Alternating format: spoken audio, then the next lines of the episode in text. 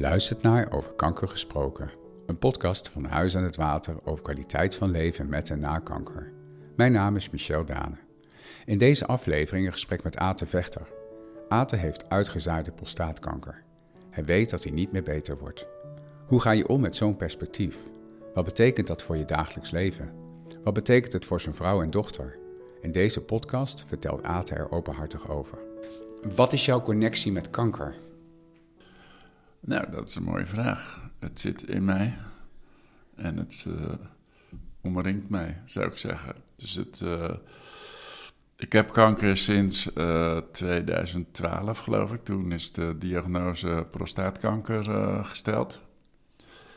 Dat is een van de luiste kankers die er is, een van de langzaamste. Er was een geluk bij een ongeluk.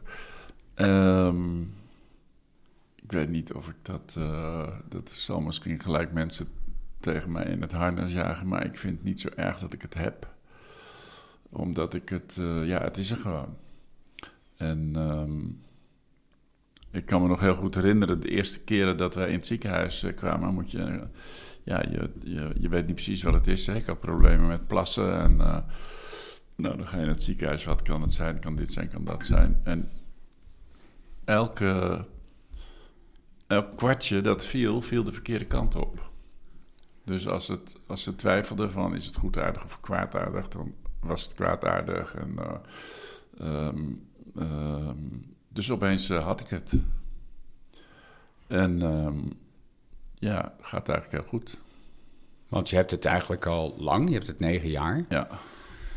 En het is onderdeel van je leven. Het zit in ja. jou, het zit om je heen. Ja. En dan toch die vraag van hoe is dat om kanker te hebben, om kanker in jou te hebben? Ja, ik beschouw het wel eens als een, uh, als een uh, verstekeling of als een, uh, een onwillige zoon. En als ik dat beeld van een verstekeling gebruik of een onwillige zoon, hè, dat is iemand die er eigenlijk, die het eigenlijk die er niet hoort, zo'n verstekeling. En zo'n onwillige zoon, die hoort er natuurlijk wel bij, maar die is lastig. Maar dan uh, voel ik gelijk ook een soort uh, uh, compassie.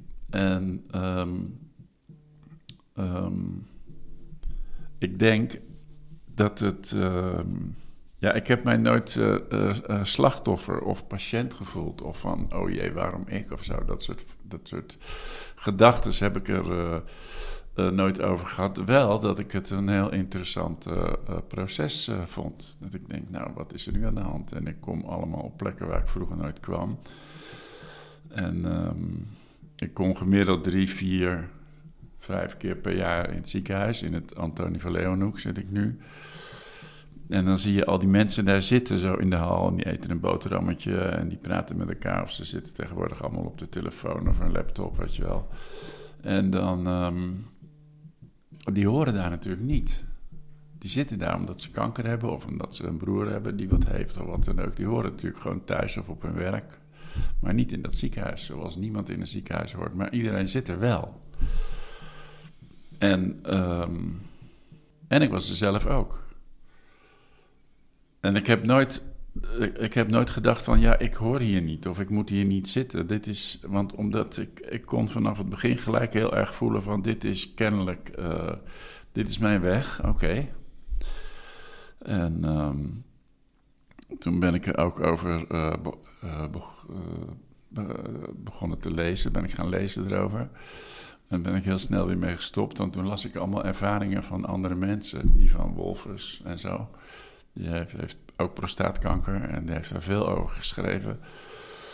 En toen dacht ik, ja, ik wil dat allemaal niet lezen, want ik ga heel erg zijn ervaring uh, uh, horen. En ik, ik, wil, uh, ik wil mijn eigen ervaring. Ik wil weten hoe het voor mij is om, uh, om bepaalde.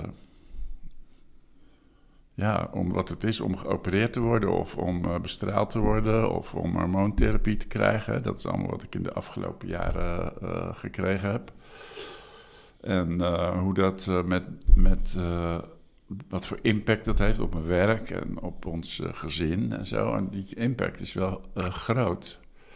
Nou, daar, daar, wil ik het zeker over hebben met je. Maar ja. dan toch nog heel even terug. Want als ik zo naar je luister, wat je vertelt erover, eigenlijk heel ontspannen. En ook met een zekere rust van dit is jou overkomen en het klinkt alsof je het hebt aanvaard als een, als een avontuur, als een reis, een ontdekkingsreis.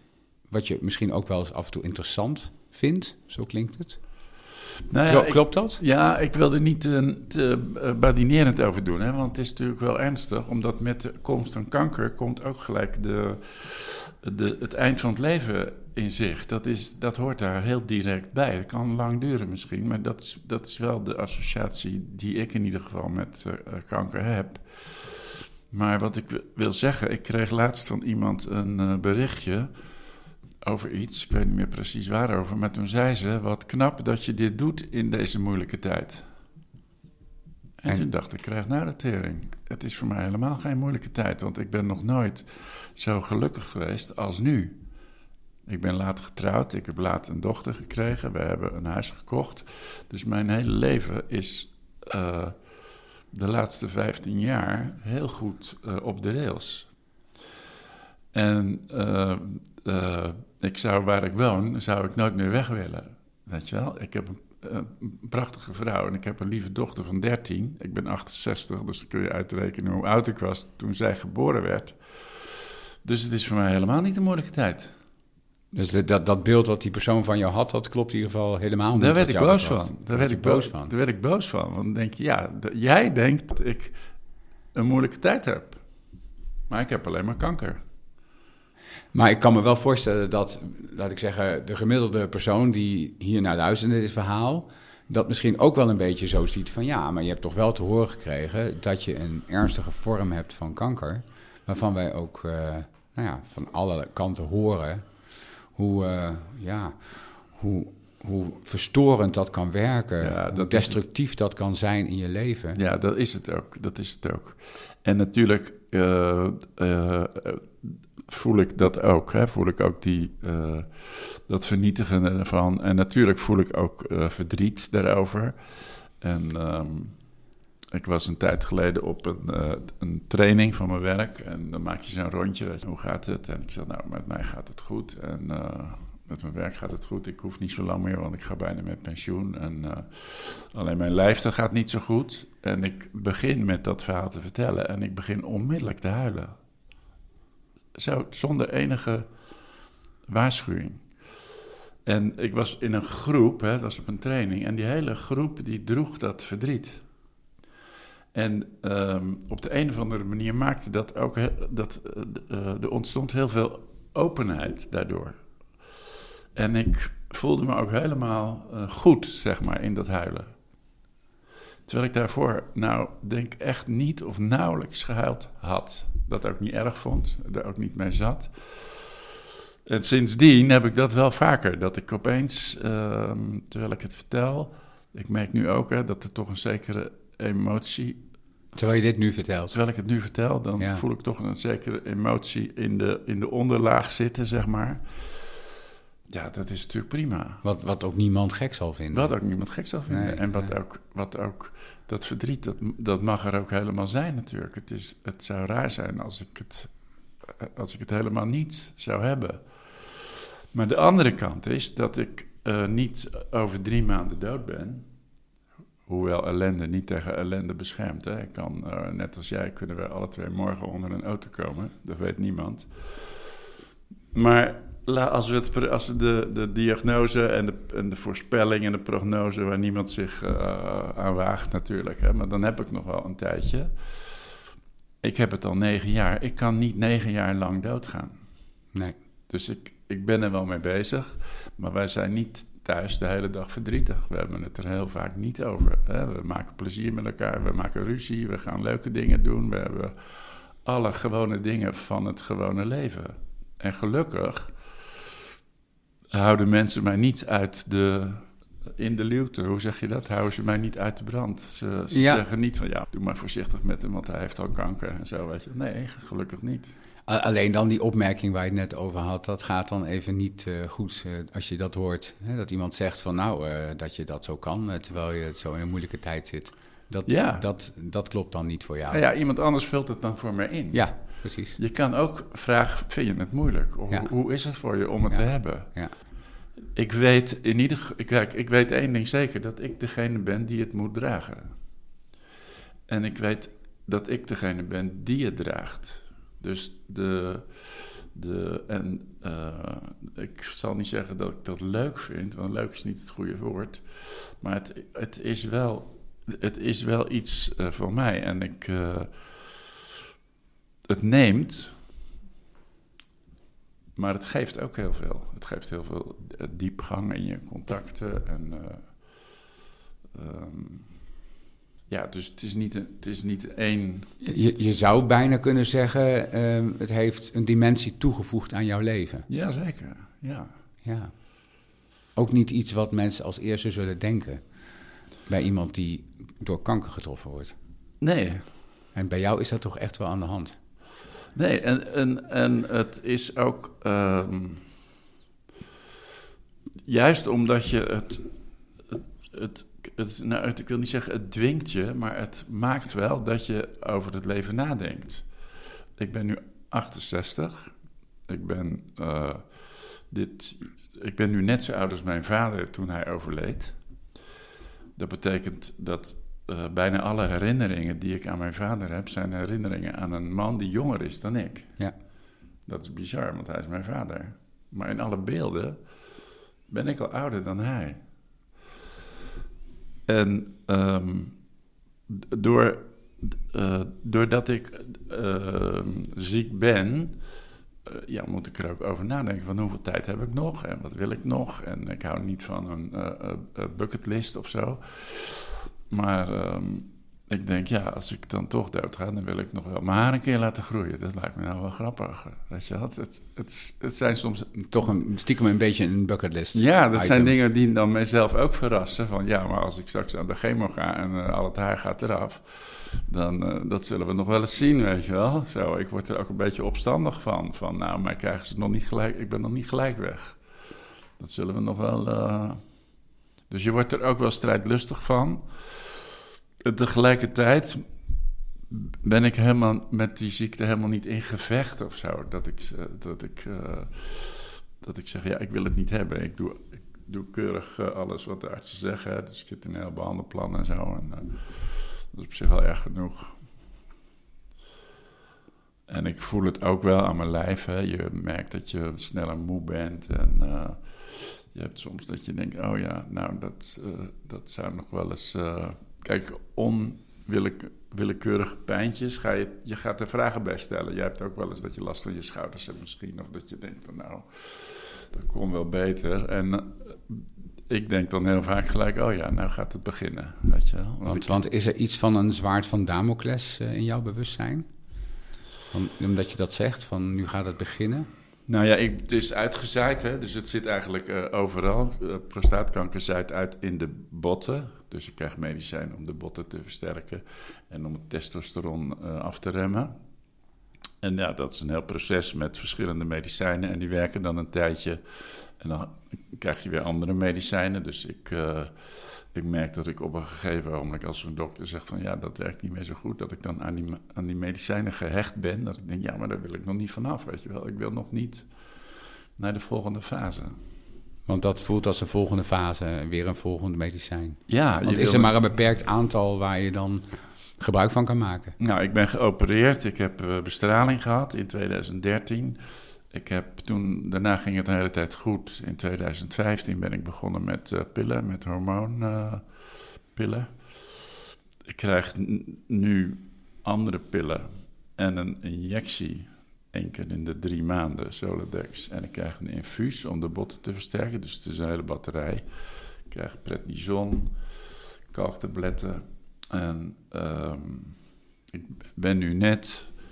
Het houdt je wel bezig natuurlijk. het is een hele operatie om dat allemaal uh, goed uh, uh, af te stemmen. En ik ben net vorige week vrijdag... moest ik voor een intakegesprek... voor een nucleaire therapie... En um, nou, daar zag ik nog wel tegenop. En ik ben eigenlijk nooit bang geweest voor kanker, maar ik voelde dat ik bang was voor die therapie. Dat ik dacht van ja, maar fuck, straks dan gaat het echt wel uh, veranderen. En dan ben ik opeens uh, ja, dat... eh, het, Maar waar, waar zit die angst dan voor die therapie?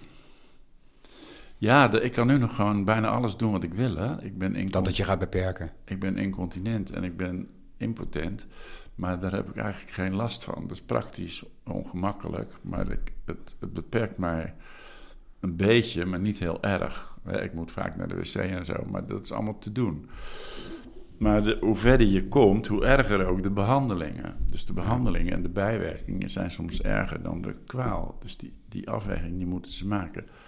Gelukkig was de diagnose dat de, dat de uitzaaiingen in het bekken, waar het dan om ging, dat die nog te klein waren. En dat het in de lymfeklieren al een hele tijd stil stond. Dat wist ik niet, maar dat was natuurlijk. eh, En zij waren heel erg bang dat ik dat vervelend zou vinden, want dat ik heel graag die behandeling zou willen. Dus ze deden, zeiden dat heel voorzichtig. Maar ik zeg, jongens, wij zitten op hetzelfde spoor. Het kan mij niet langzaam genoeg Dus laat gaan. maar even zitten. Laat maar even zitten. Ja, ik begrijp het. Ja, en dan weet je niet precies wat er dan. eh, Maar dan komt het wel even heel dichtbij, hè, het medische stuk. Ja. En de consequenties daarvan. Ja. Ja. Ja, en, maar dat is ook, kijk, ik heb dan, eh, soms moet je zo'n scan doen, hè, dan ga je in zo'n eh, apparaat van eh, Siemens of Philips en dan krijg je een paar dagen later of een week later de uitslag. En ja, maar ben je dan niet zenuwachtig voor de uitslag? Ik zeg, nou, ik geloof het niet, want het, het gaat waarschijnlijk iets slechter dan de vorige keer. Dat is wat ik verwacht. En meestal gaat dat ook zo. Dus ik heb, dat is geen verdienste, maar zo zit ik gewoon in elkaar. Ik maak me daar niet te druk over. En kijk, waar ik me druk over maak, is dat ik een dochter heb van 13 en die gaat toch, is de verwachting wel, haar vader vroeg verliezen. Dat kan nog een paar jaar duren, maar dan is ze nog jong, weet je wel. Dat raakt mij wel eh, het meest, eigenlijk. Dat kan ik me goed voorstellen. Ja, dat vind ik het meest ingewikkelde. Omdat dat. eh, ehm, ja, als ik doodga, dan ben ik weg. en Daar heb ik geen last van. Dat is, dat is misschien vervelend, maar dat is wel. Klopt. nabestaanden wel. Maar voor mijn nabestaanden, voor mijn vrouw en voor mijn dochter, die, Ja. die moeten dan verder. Ja. En ehm, ik zei net, mijn vader is 68 geworden, maar toen was ik 32. Dan ben je een volwassen man. Hè? Als dan je ouders over. Mijn moeder is veel ouder geworden nog. Maar mijn dochter, ja, ik weet het niet, maar dat, dat, daar heb ik het ook niet graag over. Nee. Dat, is te, dat komt dan te dichtbij. Nou, dat begrijp ik en daar zullen we het ook niet direct over hebben. Maar je noemde al eerder je gezin en ook hoe je gezin beïnvloed wordt doordat dit bij jou speelt. Dus dat, dat je ziek bent. Eh, kun je daar iets meer over zeggen wat dat in het gezin eh, doet of heeft gedaan? Het heeft een. eh, dat ging eigenlijk een hele tijd heel goed. En op een gegeven moment merkte ik dat ik ook, ook door de medicijnen emotioneler werd. Dus ik werd licht ontvlambaar en ik kreeg opvliegers. En ik werd. eh, en toen dacht ik dacht van tevoren, als ik emotioneler word, dat is mooi, hè? Dan kan ik meer voelen en zo. Maar ik werd gewoon kwaad. Snel. Dat is ook emotie. Dat is ook emotie. Ja. Maar ja, dat is natuurlijk niet prettig. Dus dat, is, eh, dat hebben we wel mee, eh ikzelf met name, wel mee om moeten leren gaan. Door er eh, ook een beetje om te kunnen lachen en te kunnen spelen van, oh ja, daar komt het vandaan. Snap, snap je dochter dat nu? Mijn dochter, die is, eh, dat gaat heel goed. Die, ehm, die kan wel heel erg, ehm, die kan mij soms vanuit het niet zomaar omhelzen, weet je wel. En ehm, ja, we hebben daar eigenlijk geen woorden bij nodig, maar dan is dat, dat, dat zijn toch mooie eh, momenten. Ik ehm, vroeg haar een tijd geleden de- over, over eh, Huis aan het Water. Zal ik daar iets over vertellen? Ja, prima. Die, ehm, toen Huis aan het Water werd opgericht, zal ik maar zeggen, toen vroeg iemand, ik, weet, ik kan nou niet de naam herinneren, maar eh, die vroeg mij of ik daar aan mee wilde werken. Of ik daar ook. eh, Want jij, jij was al, laat ik zeggen, ervaringsdeskundig toen. Ja. Ja. En de- ik voelde gelijk dat ik dat niet wilde. Mhm. Want ik dacht, ja, dan komt het voor mij veel te dichtbij. Want ik heb wel kanker, maar dat hoef ik niet. eh, dat, eh, dat, dat is. eh, doe maar even nog niet. Nee. En eh, ik ben er ook voor mezelf eigenlijk nog niet of zelden geweest. gelukkig is dat dan niet nodig, kennelijk of zo. Of ze heeft dat niet gespeeld. Toen las ik dat er een groep was voor kinderen van de leeftijd van Sofieke, mijn dochter. En ik vraag aan haar van, Sofieke, zou je dat leuk vinden? In een huis in het water is een groepje kinderen van jouw leeftijd. Van, uh, nou zeg van 10 tot 14, zeg maar, ik weet niet precies. Van kinderen van uh, ouders met kanker, of die uh, kanker hebben of die overleden zijn aan kanker. Lijkt je dat wat? En ik wist zeker dat ze dat niks zou vinden. En dat ze zegt, nee papa, dat is niks voor mij. Ja, zegt ze, dat vind ik leuk. Tot mijn grote verbazing. Ik zeg, nou, dat is goed, dan gaan we een keer kijken, gaan we praten. Dus ze zijn we naartoe gegaan, intake gedaan. En uh, ze zit nu, ik denk nu anderhalf, misschien al wel langer in zo'n groep. Heeft er hele goede vriendjes en vriendinnetjes. Dus ze doen van alles samen. En na de eerste of de tweede keer komt ze thuis en ze zegt: Papa, ik ben daar geen uitzondering. En dat is de essentie, denk ik, dat je als patiënt of als iemand die dicht bij die patiënt uh, uh, zit, geen uitzondering wil zijn. Want dat wil ik natuurlijk ook niet. Ik wil niet dat de mensen mij als uh, patiënt of als zielig of als. Ja. ik ben gewoon. ja, jij bent Michel en ik ben Ate. Dat zit, weet je wel. En ja. jij hebt misschien geen kanker. Dat weet ik trouwens niet eens. Maar jij hebt misschien weer last van andere dingen waar ik geen last van heb. We hebben, we hebben allemaal ons deel in het leven aan, uh, aan voor- en tegenspoed, zeg maar. Ja. Want, want je hebt het over je dochter, dus ik me opeens realiseren... jouw dochter kent jou eigenlijk niet als een vader die dat niet heeft. Zij was vier. Ja. Ze is van 2008 en ze is... Uh, ja, dus ze weet ook niet beter. En uh, ze heeft ook wel eens gezegd tegen mij... ja, ik, had wel die, ik, had wel, ik wil eigenlijk een papa die gewoon goed is. Nou ja, dat komt wel binnen natuurlijk. Ja, natuurlijk. Of ze zegt, papa, je stinkt naar de urine.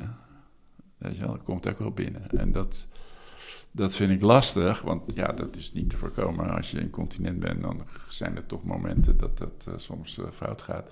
Maar ik ben ook heel blij dat ze dat wel zegt. Ja. Want het zegt ook iets over de intimiteit. Van hoe we, Zeker, dat ze zo open en direct is. Dat ze er open en direct is. En ik vind het ook ja. niet erg dat ze dat zegt. Want ja. ik, ik kan het ook begrijpen dat ze dat, uh, dat, ze dat niet wil. Hè. Ze heeft ook wel eens gezegd van... ja, maar papa, jij bent de oudste papa van iedereen. Ik zeg, ja, maar kijk, als ik jonger papa was geworden... dan was het wel een ander meisje geweest. Dan, hè, jij bent geboren nu en dat is Sofieke. Maar als ik veel jonger en vader was geworden... was het een andere jongen of een ander... was, je, was Sofieke er misschien niet geweest. Dus het is ook goed dat het is zoals het dit is. is wat het is. Ja. Dit, ja, ja, dit is het. Ja. ja. Maar ik kan wel voorstellen wat je zegt. Dat, uh, nou ja, dat zij komt dan thuis en zegt van ja, ik ben daar niet bijzonder. Ja. En dus zij, zij ontmoet daar anderen die heel goed herkennen waar zij uh, mee te maken heeft. Ja. Uh, en dat doet haar dus goed, hoor ik En dat doet haar goed. Ja. En, dat, En jou- jouw vrouw? Hoe is het voor haar? Ehm, nou, die is heel nuchter daarin. Dat is een hele nuchtere uh, Monnikendamse. Geboren Monnikendammer. En ehm, ja, die, kijk, op het moment dat uh, ik ga natuurlijk vaak naar het, pardon, ik ga natuurlijk vaak naar het ziekenhuis hè, en ehm, ehm, dat zijn veel uh, routinebezoeken, zeg maar, hè, die niet grote uh, aangeven. Maar soms is, moet er echt een beslissing genomen worden of is er een uitslag en dan gaat ze mee. En ehm, ja, ik heb wel het idee dat zij um, wat meer binnenhoudt dan dat ze uh, wil laten zien, zeg maar. Dat is ook een beetje. Kijk, ik ben een vechter en wij zijn praters. Wij praten makkelijk en wij lullen overal over. En bij ons thuis was het altijd een hele klus om aan het woord uh, te komen en te blijven. Want iedereen die had altijd veel te vertellen. In de familie van mijn vrouw is dat veel minder. Die praten veel minder, dus die delen misschien ook minder. Maar die zeggen dan wat belangrijk is, zeggen ze zelf. Dus dat is een, is een andere uh, cultuur. Ik denk wel dat ze het ingewikkeld vindt of lastig. eh, als ik er niet meer ben. Omdat ik natuurlijk ook een aantal rollen en taken in het huis heb. En eh, eh, het, zij zal veel minder mobiel zijn zonder mij, omdat ik alle, veel met de auto doe en dingen regel en zo, weet je wel. En je bent haar partner. En ik ben haar partner. En dus uh, we hebben al uh, bedacht, omdat zij, zij is veel jonger dan ik. En ze is nu net 50. Dus ik heb al tegen haar gezegd: we gaan tegen de tijd dat het zover is, gaan we samen een contactadvertentie opstellen. En dan gaan we een nieuwe man voor je zoeken. Want het is natuurlijk gewoon leuk om straks nog een andere man te hebben nadat ik, als ik weg ben. En uh, ja, maar voor Sofieke vinden we nooit een vader. Ik zeg, ja, maar dat weet je niet. Dat kan, uh, ze kan een hele leuke stiefvader hebben. Ook, ook, dit klinkt weer heel nuchter, hè, wat je nu zegt. Ja, maar dat is wel leuk. Zo voel je dat wel echt. Nou ja, ik wil dat zij het goed heeft. Hè? Ja? ja. Ik, ik, um... Kijk, ik vind het lastig om over haar te praten, omdat zij natuurlijk zelf er niet bij is. Maar uh, zij vindt het ingewikkeld om alleen naar de stad te gaan, bijvoorbeeld. Hè? Dan doen we altijd samen. Dus ik weet dat als ik er niet meer ben, dan moet ze daar iets anders voor bedenken, ja. regelen. En uh, dat raakt mij ook, dat ik denk, ja, ik kan niet zeggen, je kan me eigenlijk niet missen, maar je... je nou, je wil het fijnste voor haar. Ja, en, en zij voor mij ook, hè. Ja, ja. Um, als je nou zegt van wat is de, je grootste angst, dan zou ik bijna zeggen, het, mijn grootste angst is dat er iets met mijn vrouw gebeurt. Ja. Want dan zijn de rapen natuurlijk wel gaar. Als ik er over een paar jaar niet meer ben, dat is toch een beetje. Ja, daar zijn we wel op ingesteld. Maar als, er, als het onheil echt aan de deur klopt. en er gebeurt iets met. of met Sofieke of met mijn vrouw. ja, dan is het natuurlijk uh, lijden in last. Maar daar gaan we gewoon niet van uit. Er is ook geen reden nee, om er is ook aan geen reden om het aan te nemen. nee. En dat is ook. Dat is ook uh, um, Kijk, het, het, het, uh, ik, ik zeg steeds van het kan, het kan dan wel steeds over mij gaan en over mijn ziekte en over uh, hoe dat dan is voor mij. Maar ik was nog wel van plan om een aantal begrafenissen bij te wonen, weet je wel. Dus ik, ga, ik, ik, ga niet, ik ben niet de eerste die uh, de deur uitstapt. Maar ja, aan de andere kant, we, we kunnen zoveel willen hè, als mensen. Jij, jij hebt ook niet gekozen om kanker Nee, te krijgen en dat nee. gebeurt. En het gebeurt toch. En je gaat ermee om en al negen jaar. En er zijn natuurlijk heel veel mensen die 's morgens naar hun werk gaan en s'avonds niet meer thuiskomen. Ja, natuurlijk. Of die kanker krijgen, darmkanker, of, uh, uh, uh, en drie maanden later vertrokken zijn, of nog sneller. Dat is bizar hoe snel het, hoe snel het kan gaan. Want dat zei helemaal in het begin, hè, van het was wel een beetje een, ook wel een geluk bij een ongeluk dat het een kankersoort is waarmee je lang kan leven. Ja. En, Ja, het, en het, is, ja, het is dan wel palliatief, maar palliatief betekent in dit geval van nou, we kunnen het niet genezen, maar het betekent niet dat je op korte termijn daaraan zal overlijden. Nee, maar elke dag komt het natuurlijk wel dichterbij. En het is ook niet toen ik het. Um, toen ik geopereerd werd. Ik weet het niet helemaal meer zeker, maar je gaat in je, eigen, in je eigen verhalen geloven, zeg maar. Maar toen zeiden ze van ja, de prognose is zo'n jaar of 15 als het niet uitgezaaid is. Nou, nu is het uitgezaaid, dus dan zou het korter zijn dan 15 jaar. Maar 15 jaar min 9 is 6 jaar. Heb ik, zou ik dan nu nog hebben? Dat is al heel snel. En um, mijn vrouw en ik die zeggen al een tijdje van uh, als mensen daarover beginnen van ja, maar hoe lang duurt het dan nog? Wij zeggen altijd vijf jaar. Maar dat zeggen we al een hele tijd. Maar we gaan, er, we gaan niet onder die vijf jaar zitten. Is dat een fijne termijn voor je, vijf jaar? Nou ja, dat is natuurlijk, kijk, je wil, ik ben uh, 68, dus als ik uh, 12, over twaalf jaar, dan ben ik 80. Dat geloof jij niet. Dat had je niet gedacht toen je mij binnen zag komen. Dat je denkt, nou, die man is binnenkort 80. Maar dat is dus, dat is eigenlijk ook al heel snel. Ik heb het nu negen jaar prostaatkanker. Nog negen jaar verder, 68, dan ben ik uh, 77. Ja. Dus de, die, het einde van het leven is sowieso aan de orde. Of je nou kanker hebt of niet. Als je, dat is zo. Hoe oud ben jij, Michel? Ik ben 51, ik ben morgen 52. Nou, keurig, gefeliciteerd. Dankjewel. maar uh, dan ben je ongeveer net zo oud als mijn vrouw. Hè? Maar als je het, ik, ben, ik ben over twee jaar 70. En ook al ben je gezond van lijf en leden, dan, nou, gemiddeld worden de mensen, ik weet het niet eens, maar tegen de 80 geloof ik tegenwoordig. Ja, ietsje meer geloof ik inderdaad. Maar ik snap heel goed wat je zegt. En inderdaad, uh, ik, ik zou het je lang niet gegeven hebben. Je hebt het een paar keer genoemd, je leeftijd. Maar het is bijna onwerkelijk om jou dat zo te horen zeggen. Ten meer omdat je ziek bent. Maar ja. je ziet er wat mij betreft gewoon veel jonger uit en ook heel vitaal. Nou ja, ik zie heel vaak mensen op televisie en dan zijn ze in functie. Dus dan denk ik, ja, uh, die zullen wel uh, jonger zijn dan ik. Maar die zien er echt ouder uit, weet je wel. En dan google ik even en dan zijn ze 66 of ze zijn 58 of zo, weet je wel. Maar ja. zijn echt oude kerels. En uh, ja, dat is een soort vitaliteit die ik ook wel uh, koester. Hè, wat ik ook lekker vind om...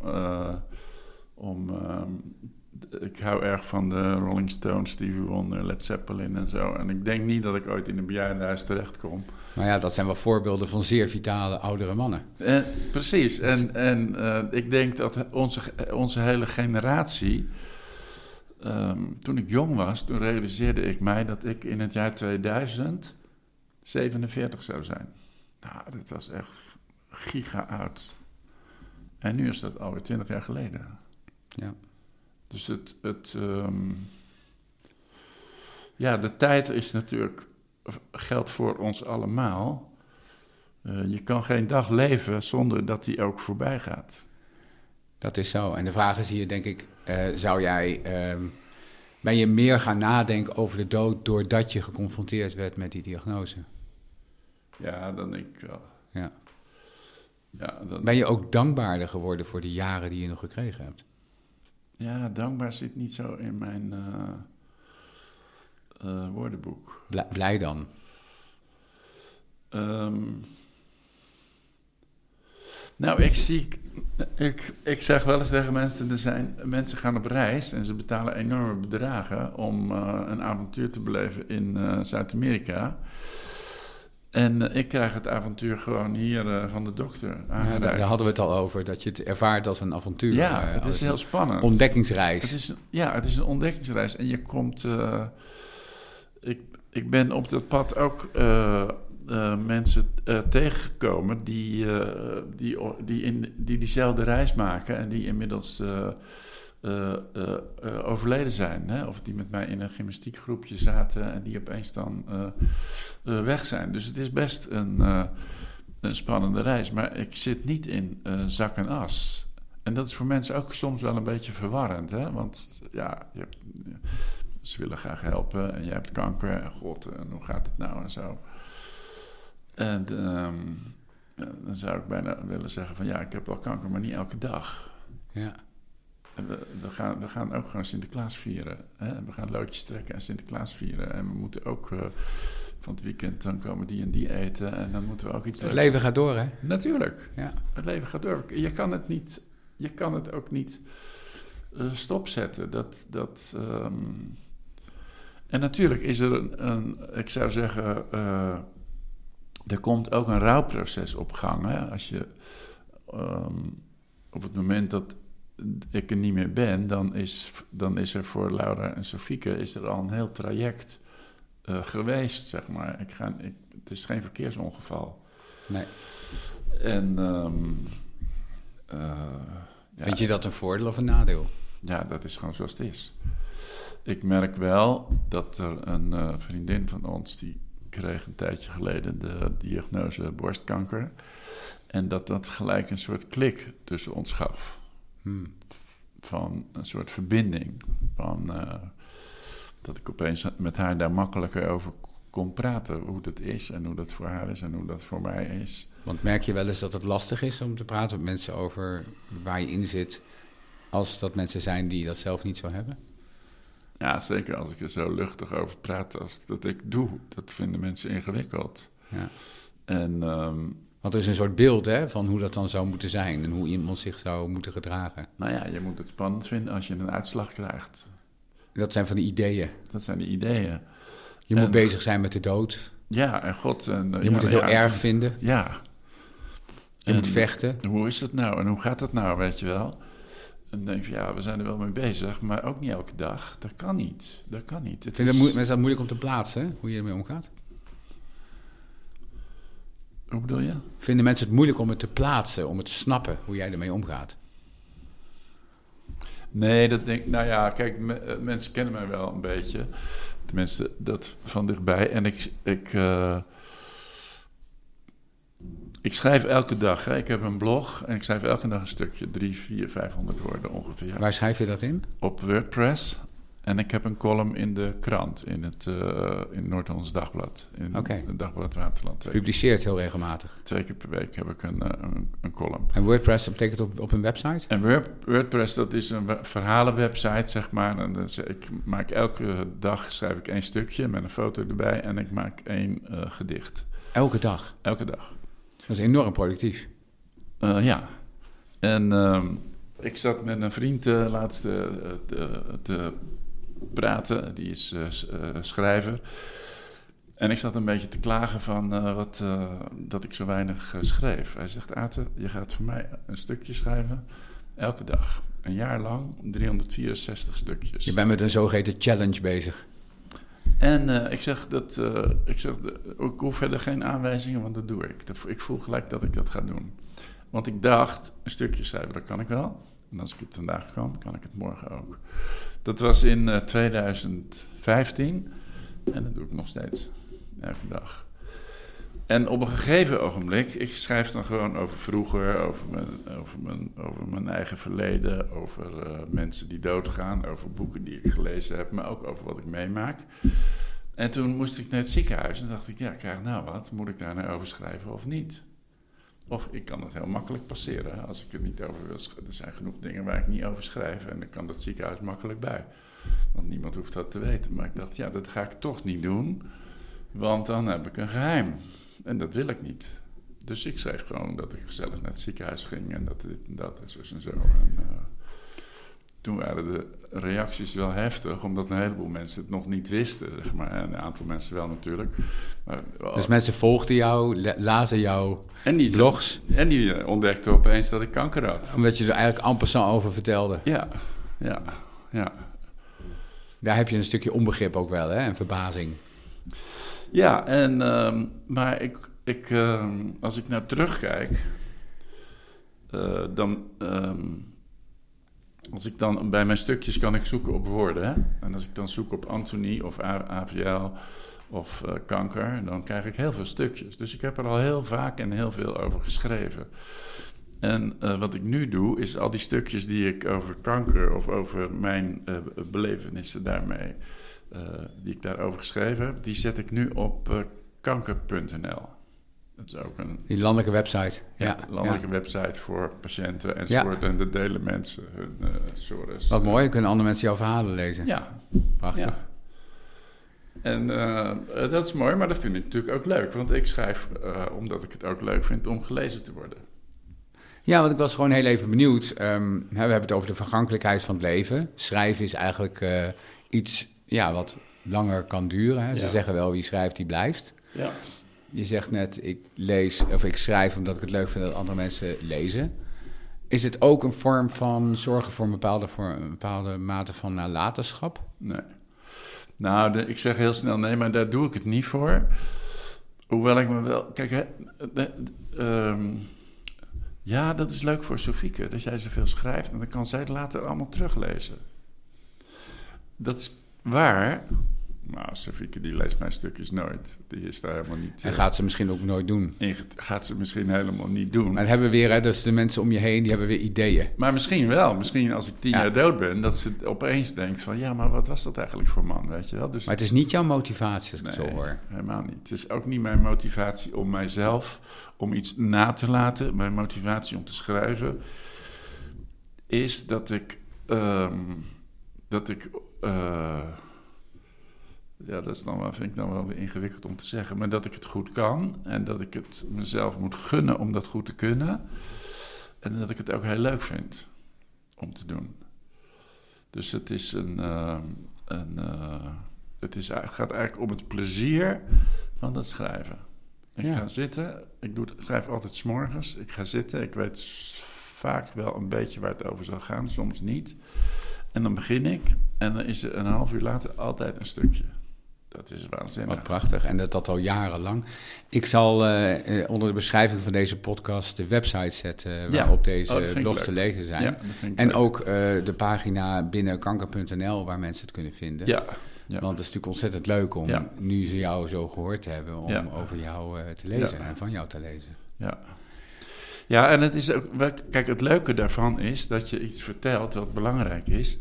En het, drie dagen later is het drie dagen geleden. Dus je sores en de belangrijke dingen en de grote dingen en de kleine dingen, die. die, die eh, wij zitten hier nu te praten en dat is allemaal goed en wel. Maar volgende week is dat een week geleden.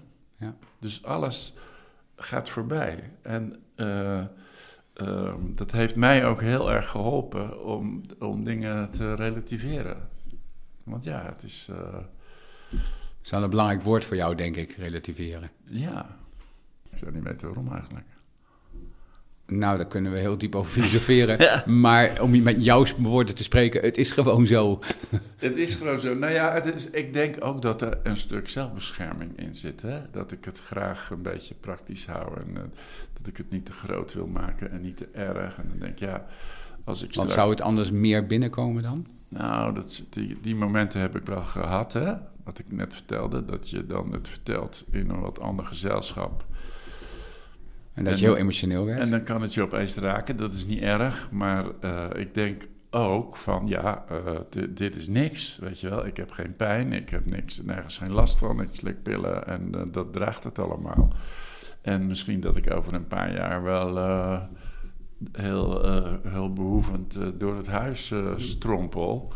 En ehm, dan eh, moeten we nog maar eens zien hoe het dan eh, is met het dus daarop vooruitlopen denk je, nou, ik ga er nu nog maar niet te veel een punt van maken. Nee, zoiets. En Ja. terwijl we dit zo zeggen, weten we allebei wat een onzin is dat. Natuurlijk. Want het is wat het is. Het is wat het is er gewoon. En Ja. het, is, het is natuurlijk ook een groot verdriet. En het is echt Ja. kut dat je het hebt. Het is heel veel op hetzelfde moment. Ja. Ja. Ja. Het, is, het is en iets wat je kunt relativeren. Het is en iets wat jou heel veel heeft gebracht. Die ontdekkingsreis heeft je enorm veel opgeleverd. Ja. Het heeft je eigenlijk een soort avontuur gebracht zonder dat je hoeft te reizen. Misschien alleen naar het AVL heen en weer Ja. regelmatig. Ja. Het heeft je relaties eh, beïnvloed. Misschien ook wel verdiept hier en daar. ja, en het geeft ook eh, bewogenheid bij, eh, bij de geschiedenis van andere mensen. Ja. Dat je, want je leest natuurlijk wel eens in de krant of je hoort een verhaal van iemand die dan getroffen is door dit of dat. hè. Eh, eh, eh, George Cormans eh, van de Golden Earring met zo'n ALS. En er zijn natuurlijk veel meer mensen die plotseling aan de beurt zijn. En ik merk dat ik daar veel beter mezelf toe kan verhouden op de een of andere manier. Dat je, dat je wat meer in die diepte kan kijken. Kun, je, kun je dat toelichten, wat je daarmee bedoelt? Nou ja, dat, dat, dat, dat, de oppervlakkigheid van het leven. ehm, dat die een onderlaag heeft. Hè? Dus we, we doen natuurlijk allemaal graag eh, de leuke dingen. We gaan naar Ikea, naar Albert Heijn en zo. Dat is allemaal belangrijk. Het is ook goed om je op te winden over de prijsverschillen. en de, weet je wel? Dat is, dat is, maar dat is allemaal gewoon leven. Maar de, de, de, ehm, ja, dat leven is, dat begint hier en dat is daar klaar. Ja. En eh, je kan daar twee dingen over zeggen. Dat het, dat het heel kort is. Het leven is kort. Hè? Dus, maar je kan ook zeggen dat het eindeloos lang is. Want er is niks anders. Het leven eh, wat ik heb, ik ben er nu.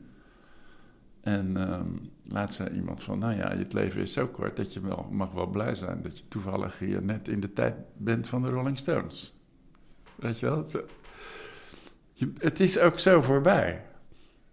En tegelijkertijd gaat het nooit voorbij, want op het moment dat je doodgaat, is het, ervaar je dat niet. Het is de werkelijkheid die er is. Het is ook wat Harry Mulick zegt, dat hij onsterfelijk was. En je bent natuurlijk onsterfelijk zolang je niet doodgaat. En je, je, je kan niet ervaren. De dood gaat altijd over de dood van iemand anders. Altijd. We rouwen om de dood van iemand anders. Er gaat plotseling. Is er een oom of een tante of een vriend of een kennis. Ja. Of een bekende Nederlander. Dat zei je straks al, hè? Van ja, ik ga dood, maar ik heb mensen die ik achterlaat. En voor hen is het veel Zij zullen werkelijker. Tuurlijk. Zij, zij eh, Zij worden er echt door geraakt. ja, Jij bent van het podium. ik ben eh pleiter. Ja. Wat een mooie, bijna filosofische beschouwingen in deze podcast. Ja, leuk. Zeg ik even Ja. persoonlijk. Want het is heel mooi om naar je te luisteren. En ook om je eigenlijk nieuwe invalshoeken te horen vertellen. eh, waar mensen soms eh, ja, ook aan moeten wennen. Hè, dat vertel je ook, dat ze verwachtingen hebben bij hoe het wel zal zijn voor jou. En dan is dat dus niet zo. Want het is anders voor jou. Het is anders en tegelijkertijd is het ook niet allemaal wat ik zeg. Want wat ik vertel, dat is de, de schaduwkant daarvan is, is ook waar. Ik weet zeker dat als we straks eh, klaar zijn en ik rijd naar huis, dat ik in de auto zit. Dat shit, dat had ik moeten zeggen. Weet je wel? En daar hebben we één groot voordeel. Is dat dat je elke dag schrijft. Ja, Dus we zouden zomaar kunnen verwachten dat een van de stukjes die je komende week schrijft... misschien dan dat soort Dingen. elementen in, in zich zal hebben. ja, ja. Dus ja. eh, nogmaals mensen uitgenodigd om dat te lezen. ja. Dank voor je openheid, dank voor het delen. Nou. En ehm, ja, ik zou willen zeggen, heel veel geluk en plezier in alle mooie tijd die nog voor jou ligt. Nou, dankjewel. Vind ik heel leuk om te horen. Ik heb het graag gedaan.